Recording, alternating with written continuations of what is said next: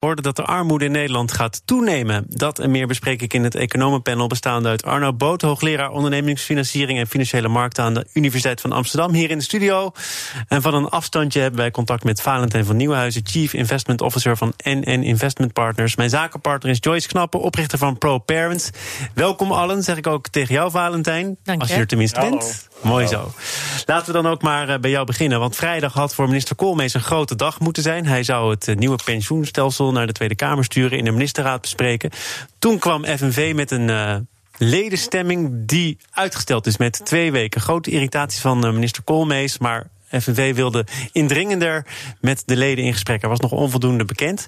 Um, vind je dat FNV daar een terecht punt maakt om mee te beginnen? Nou, ik moet je zeggen, dat is dat eigenlijk niet hetgene wat me nou het, het meeste bezighoudt in deze kwestie. Uh, of het terecht is of niet, ja, het hoort een beetje, denk ik, bij het Nederland overlegmodel. Dus in die zin uh, moeten we misschien niet verrast zijn. Okay. Uh, maar ik, ik vond het belangrijker dat, uh, dat het akkoord er was en wat je daarvan kunt vinden. En nou, daar zitten positieve punten bij, een aantal onzekerheden. Maar ik denk niet dat het uitstel door het FNV daarin het meest ja, het meest belangrijk. Wat springt jou dan wel het meest in het oog? Waar wil jij het over hebben? Want plussen en minnen, nou. ja, dat zal voor iedereen anders liggen. Het is, het nou is ja. voor niemand iets ja. waarvan ze één op één kunnen zeggen... alles deugt of alles uh, is falikant verkeerd. Wat wil jij eruit halen? Nou, er zijn een aantal dingen. Ik denk dat het sowieso een goede, de, eindelijk de goede richting opbeweegt. Uh, omdat een... Uh, ik denk dat het niet meer realistisch is dat je een stelsel hebt waarin er uh, ja, echte garanties worden opgenomen. Uh, dus, er zijn geen garanties uh, in de wereld. En dat is niet altijd prettig, maar wel realistisch, denk ik. Dus om daarvan af te bewegen. Uh, en meer naar een, uh, een stelsel te gaan waarin je ja, uh, premies inlegt en de uitkomsten, wat die, wat die premies uiteindelijk voor je pensioen betekenen, wat onzeker zijn afhankelijk van wat er de komende jaren aan rendementen geboekt kan worden. Dat lijkt me absoluut een goede richting. Uh, de onzekerheden zijn natuurlijk de details rond de transitie. Uh, hoeveel komt er, moet er nou eigenlijk worden bijgestort? Hoe Je bedoelt een detail van 60 miljard? Ja, precies. Hè, de, niet, niet niks, precies. Dus dat zijn hele belangrijke details. En hoe pakt het uit voor verschillende generaties? Dus ook wel nog heel veel. On, het, het, is een akkoord, maar er is ook wel heel veel grote details onzeker, inderdaad. Um, en wat ik, ja, en voor de rest zit natuurlijk ook wel aan het punt dat uh, er wederom geen pijn genomen wordt. Hè. Het wordt weer uh, niet uh, gekort. nu zijn er weer andere redenen dan de vorige keer. En dat roept wat mij betreft wel de vraag op of dat ooit mogelijk zal zijn in een vergrijzende samenleving om de politieke uh, kracht te vinden om te korten als het echt zou moeten. Arnoud, het hoeft geen college te worden, maar een cruciaal begrip is toch de doorsneepremie. Want dat heeft ook te maken met hoe er vergoed moet worden. Dat gat dat ontstaan is van 60 miljard. Kun je nog even heel kort de doorsneepremie uitleggen? Nou, even, we kunnen ook discussiëren of die doorsneepremie het cruciale is. Hè? Oh. Uh, volgens mij is het hier niet het cruciale, maar het is een element. En het element wat het in ieder geval uh, moeilijker maakt. Nou, doorsneepremie betekent iedereen betaalt in wezen dezelfde premie uh, voor dezelfde pensioenopbouw. terwijl in de praktijk is een premie die een jongere inlegt, die heeft veel langer de tijd om te renderen. Dus de jongeren betalen eigenlijk te veel. En dat hoop je dan als je ouder wordt, dat er weer nieuwe jongeren zijn die dan te veel betalen en jou compenseren voor het feit dat jij vroeger te veel betaald hebt. Ja. Dus dat betekent dat je, uh, dat je dus hoopt dat de toekomst eigenlijk het systeem doorgaat. Want als ja. die nieuwe generatie niet komt, ja, dan ben jij een generatie die wel te veel heeft betaald toen je jong bent. Maar je hebt niet meer het profijt ervan dat je relatief weinig betaalt als je ouder bent. Dat klinkt mij heel cruciaal in de oren. Maar jij wil dat toch betwisten?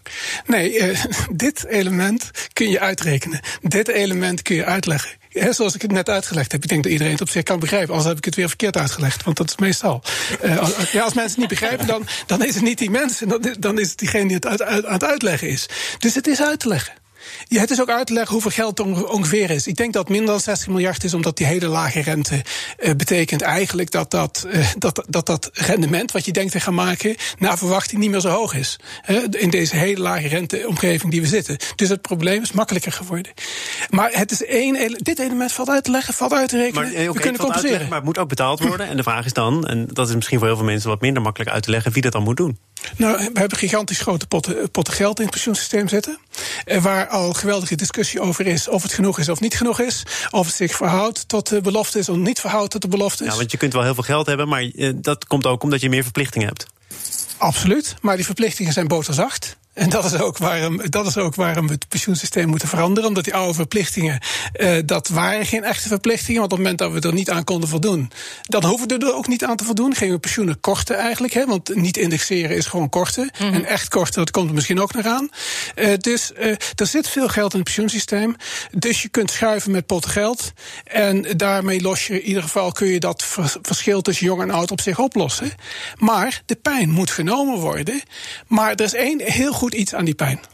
En dat is dat niemand er iets van begrijpt, van het hele zaakje. Dus, dus niemand begrijpt het nieuwe systeem.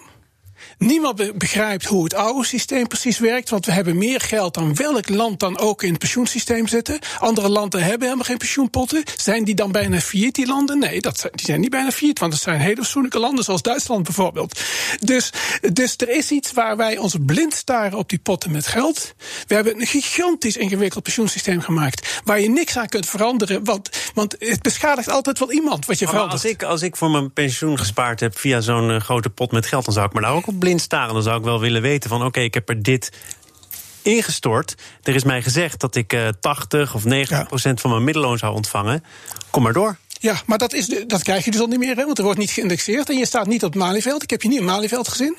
Dus ah. schijnbaar snap je het ook niet. Want anders had je wel op het Malieveld gestaan. Dus het is een dermate ingewikkeld vraagstuk. Het is volstrekt onduidelijk wie verantwoordelijk is voor het geheel. En de grote fout die gemaakt wordt, is dat als ik individueel ga sparen bij, op een beleggingsrekening bij een bank. Dan weet ik dat is mijn geld, dat is mijn potje geld. Maar in een collectief pensioensysteem met z'n allen bestaat er eigenlijk niet zoiets als met voor pensioen sparen. Want de enige reden waarom je met pensioen kunt, is omdat er andere mensen op dat moment aan het werken zijn. Die mensen die aan het werken zijn, die zorgen ervoor dat jij met pensioen kunt. Dus macro-economisch is dat idee van potten geld, daar, daar, daar moet je een beetje doorheen ja. kijken. Individueel is een pot geld mooi. Ik heb een pot geld en jij niet. Nou, dat betekent dat ik vooraan sta. Valentijn, is het inderdaad zo ingewikkeld geworden en biedt dat misschien ook ruimte om, om te doen wat je wil, omdat niemand het begrijpt? Nou, ik vind het wel een mooie, mooie uitleg uh, van Arnoud. Ja, elk nadeel heeft zijn voordeel. En uh, ja, wat dat betreft, wellicht is de complexiteit iets wat je moet benutten. Um, en dan laten we het Arnoud allemaal uitrekenen. En dan, dan komt het denk ik eerlijk gezegd wel goed, ja. Maar ik weet niet zeker of ehm, of we daar slim genoeg voor zijn. Tenminste, dat blijkt elke keer weer, want politiek is het toch steeds heel erg ingewikkeld. Um, dus ja, ik, ik, ik hoop dat dat. Uh, ja, nou, wat, wat politiek ingewikkeld is, dat is volgens mij wat je zelf net ook al aanhaalde. Dat er misschien op een bepaald moment uh, een rekening komt of er pijn genomen moet worden. Matthijs Bouwman schreef daarover in het ja. FD, las ik. Ooit gaan we korten, maar niet volgend jaar. En dat is eigenlijk al, al, al decennia lang nu de uitspraak. Omdat dat ja. ooit zal een minister of een premier zich ontzettend impopulair moeten maken, denk ik. Nou ja, dus de Arnoud wijst natuurlijk aan, als je dat kunt doen zonder dat het opvalt. Hè, dus het indexeren eruit halen is kennelijk zo ingewikkeld dat het niet opvalt. En daar kan je dat politiek wel doen. Maar ik denk dat Matthijs gelijk heeft, Matthijs Bouwman. Dat, uh, en zeker nogmaals in een vergrijzende samenleving, waarin er steeds meer ouderen en pensionado's ook uh, belangrijk zijn voor de, het, het politiek succes dat een partij kan halen. Dat een, een harde, zeg maar, een nominale korting uh, bijzonder uh, lastig zal zijn om in de praktijk uh, te implementeren. Maar dat is wat Valentijn zegt, hè, verouderende samenleving. Wat dat betekent is minder werkenden ten opzichte van niet-werkenden. De niet-werkenden zijn gepensioneerden. Die zijn afhankelijk van genoeg werkenden. Je hebt economische groei nodig, economische activiteit nodig, zijn de werkenden. En die zorgen voor de niet-werkenden.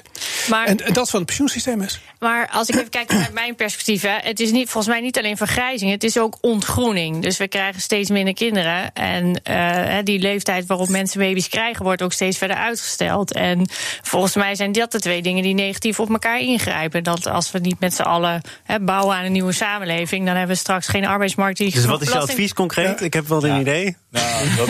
ja, langer, door, langer doorwerken. Ja, langer nee, doorwerken. kinderen. Nee, juist niet op jongere leeftijd meer kinderen krijgen. Oké, okay, dat ook. Dus ja, daar nee, is een groot punt van de pijn. De studies die ik ben tegengekomen, maar ik ben ook heel benieuwd hoe jij daarnaar kijkt, is dat op dit moment volgens mij vier, een grote Europese studie, vier mensen aan het werk zijn voor één iemand die een pensioenen krijgt. En dat dat tussen nu en 2040 ongeveer halveert. Ja, Va Va Valentijn, ik hoor jou ook. Nou, vier, nou. vier staat één klinkt toch heel positief. Is dat zo positief, Valentijn? Nee hoor, ik ken dat cijfer niet. Maar wat Nee. ik er wel over kan zeggen, het klopt natuurlijk helemaal dat eh, wat we dan vergrijzing noemen. Het gaat over de verhouding tussen jong en oud. Precies. En, eh, mensen worden ouder, eh, dat is één factor.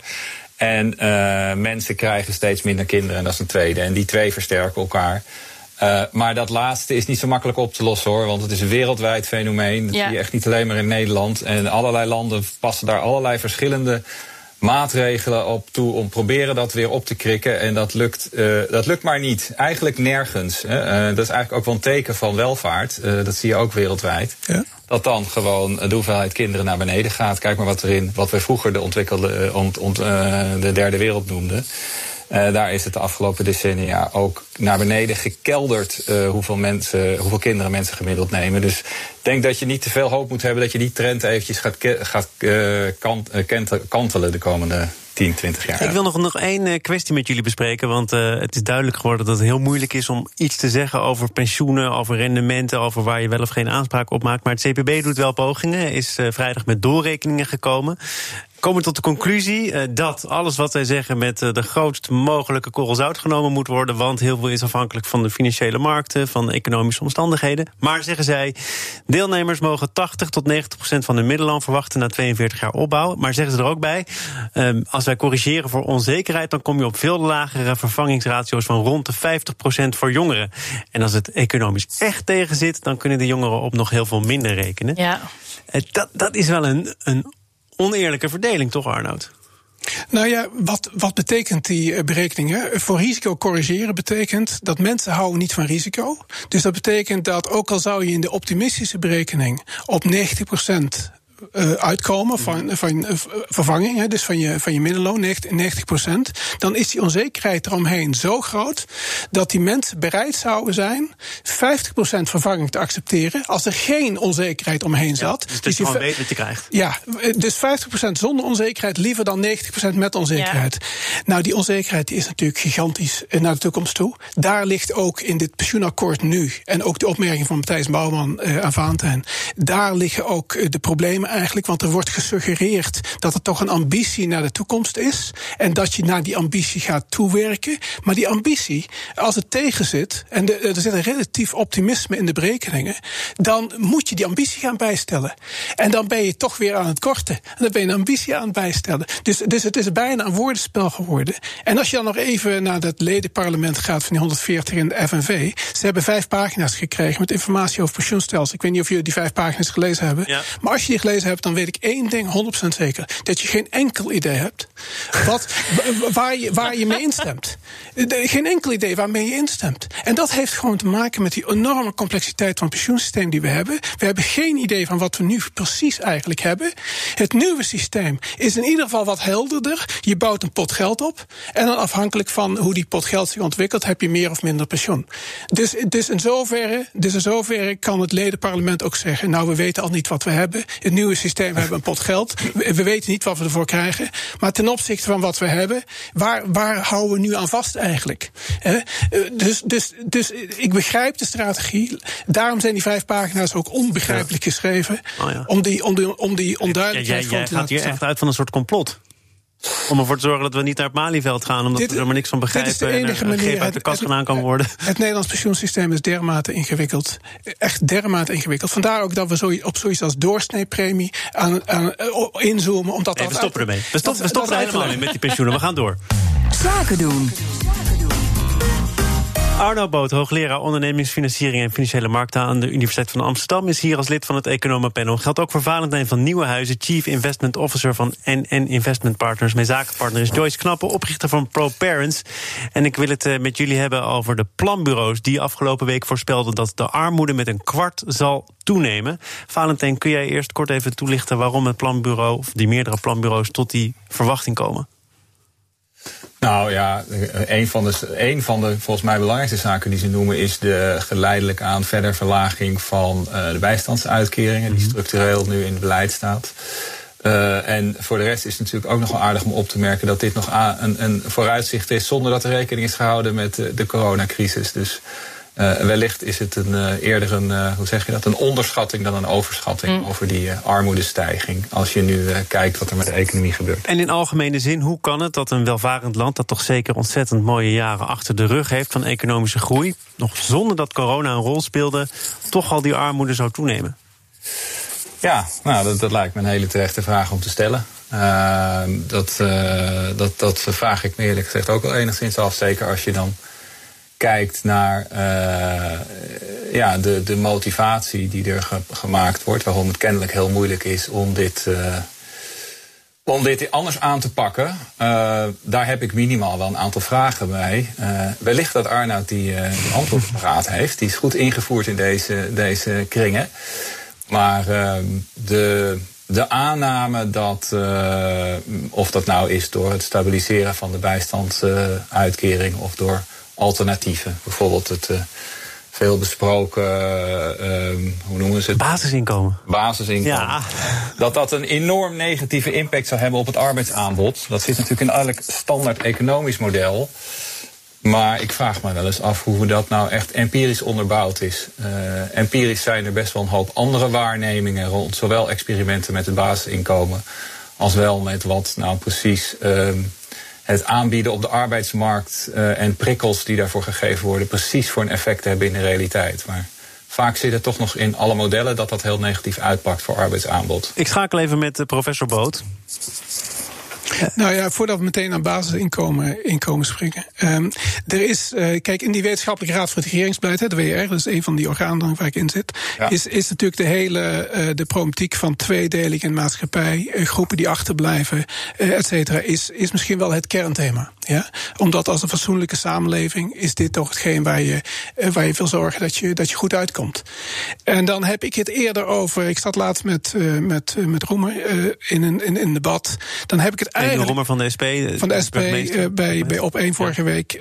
Want die kwam als burgemeesters, als vertegenwoordiger van de burgemeester, kwam hij naar voren. Hij wilde 1 en een kwart miljard hebben voor de zwakke wijken. Die met name te maken hebben met deze problematiek ook. Mm -hmm.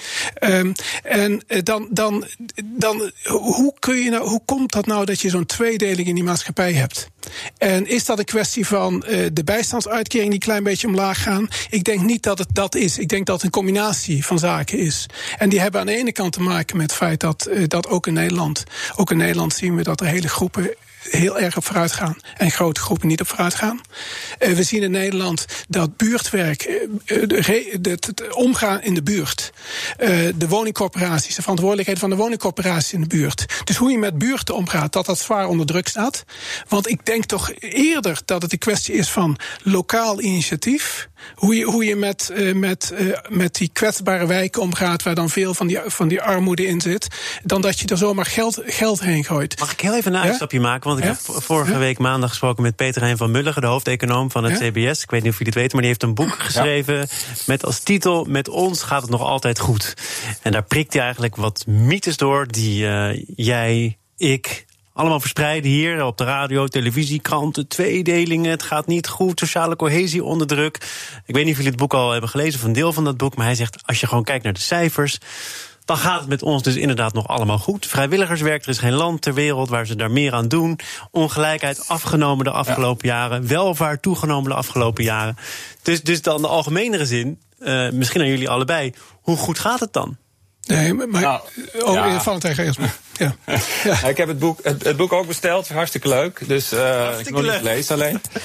maar. Uh, maar nee, kijk, ik denk, er zijn allemaal verschillende dingen die we nu benoemen. Hè. Kijk, natuurlijk gaat het met Nederland uh, relatief ontzettend goed. En ik denk dat het heel goed is dat, uh, dat, uh, dat af en toe ook een keer benoemd wordt. Omdat de focus vaak op de negatieve aspecten is in, in de media of in het publieke debat. Um, dus dat, dat, dat, dat klopt, als je het vergelijkt, zeker internationaal. En er zijn ook best nog verbeteringen geweest. Alleen, uh, dat is natuurlijk niet per se het punt van aandacht in uh, het onderwerp van vandaag, waarin een bepaalde studie uh, van het CPB een, een, een, uitspraak doet over de armoede die er wel is. Hè. Ja. Dat zal ook niet ontkend worden. Gaat die afnemen of toenemen? En dat we misschien met z'n allen het wenselijk vinden dat die afneemt, lijkt mij geen vreemd streven. Uh, en zij werpen een bepaald nadeel op. He, ze zeggen feitelijk dat gaat economisch behoorlijk wat kosten om dat te doen afnemen. En waarom komt dat? Dat komt omdat mensen dan minder bereid zijn om zich aan te bieden op de arbeidsmarkt. Ja, wacht even, dan heb je het weer over basisinkomen. Maar, want ja, daar gewoon naartoe hoor. Nee, daar, daar heb je het over. Nee, maar de kans, kijk, de kansenongelijkheid. Ja, ik snap het, we komen er. Maar de ja. kansenongelijkheid, hè, want, want ik zie eigenlijk uh, de, de tweede een, die is natuurlijk wel degelijk in de maatschappij. Uh, die is er absoluut. Nederland kan het internationaal geweldig goed doen. Maar dat betekent niet dat we niet allerlei dingen veel beter kunnen Zeker. doen. Ja? Zeker. Ja. Um, de kansen, de, er is geen sprake van gelijke kansen. En dat blijkt uit elk onderzoek. Je plaatst leerlingen in de laatste groep van de lagere school. Eén uh, uit een minder milieu, de ander uit een beter milieu. Die uit een minder milieu met dezelfde scores krijgt toch een lager advies. Terwijl hij natuurlijk een hoger advies moet krijgen. Want hij heeft dezelfde scores, komt uit een lager advies. Lager milieu. Dus hij heeft, hij heeft ondanks zijn milieu, is er helemaal bovenuit gestegen. Krijgt een lager advies. Dit soort kansongelijkheid. En die versterkt deze verarming in wijken alleen maar. Die zorgt ervoor dat je erin blijft hangen. Dat is echt iets waar we aan, iets, aan, iets aan moeten doen absoluut. Basisinkomen. Um, we hebben al allerlei soorten basisinkomens. Hè? Want als we kinderbijslag hebben, kinderbijslag is natuurlijk wel een vorm van, een vorm van basisinkomen. Als we echt naar basisinkomen zouden willen voor iedereen, en stel op AOW-niveau, ik, ik, ik, probeer altijd te denken, basisinkomen, wat willen dan? Hè? Er zijn mensen die het dan over 300 euro, euro hebben. Maar ik neem aan dat je het over een bestaansminimum mm -hmm. hebt. Ja. Dat, je, dat je in, het bestuur van, in, in de buurt van bijstandsniveau komt. En als je die berekeningen laat zien, dan zul je 40% of 30% van de begroting van de overheid vrij moeten maken om dat te kunnen betalen. En dan heb ik al meegerekend de inverdieneffecten die er zijn. Hè? Want het is veel te duur ook, eigenlijk uh, een beetje in lijn met wat CPP zegt. Je geeft het geld aan iedereen. Waarom zou je in hemelsnaam mij een basisinkomen geven? Dan ben je toch idioot bezig als je mij een basisinkomen geeft. Dus vandaar dat ik. En kinderbijslag geef je ook al in iedereen. Dus dat is ook al relatief duur. Ik snap ook niet waarom ik vroeger kinderbijslag kreeg. Nee. Ja, maar ik had zonder kinderbijslag ook kinderen genomen. Maar goed, dat kan, dat kan die andere reden hebben waar we het er straks over, over hadden. Ik ben dus meer voor gericht dan ja. voor gericht uh, basisinkomen. Ja. Of ja. voor een negatieve belasting. Uh, voor werkenden. Valentijn, slotwoord maar, helaas. Want anders ja, dan, slot, nou, maar, maar, dan begin ik toch even met me helemaal aan te sluiten bij Arnoud Boot. Uh, wat hij net zegt over kansen en, en het wegnemen van de, ja, eigenlijk de, de extra drempels die wat meer kansarmen ervaren. Dus natuurlijk moet dat gebeuren. Dat is echt heel terecht punt. Uh, dat draagt waarschijnlijk meer bij aan het terugdringen van, uh, van armoede. Maar nogmaals, mijn punt is ook niet zozeer een, een, een, een steun voor het basisinkomen. Het gaat mij er meer om dat in dit soort analyses in mijn ogen te snel wordt aangenomen. Dat of het nou het uh, stabiel houden van een bijstandsuitkering is of andere vormen van uh, steun, inkomenssteun. Of een basisinkomen. Dat er wordt aangenomen dat een heel negatief aanbodseffect op de arbeidsmarkt is. En volgens mij is dat empirisch nog maar zeer de vraag. En uh, dat wordt wel in de kosten-batenanalyse heel publiekelijk zo geponeerd in deze analyse. Dank jullie wel. Valentijn van Nieuwhuizen, Chief Investment Officer van NN Investment Partners. Arno Boot, hoogleraar ondernemingsfinanciering financiële markten aan de Universiteit van Amsterdam. En mijn zakenpartner van vandaag, Joyce Knappen van ProParents. Fijn dat je er was de afgelopen twee uur. Heel tot snel, gedaan. tot de volgende. Uh, morgen dan ben ik hier weer en dan samen met Teun voor hij is, de, hij is de CEO van Albron. En hij verwacht dat ook na de coronacrisis de bedrijfskantines aanzienlijk minder vol zullen zitten. Wat daar de gevolgen van zijn, dat hoor je morgen in BNR Zaken Zometeen eerst Nieuwsroom, de dagelijkse podcast van het FD en BNR. En hij is weer terug op zijn post, dus het wordt gepresenteerd door Mark Beekhuis. Veel plezier, tot morgen.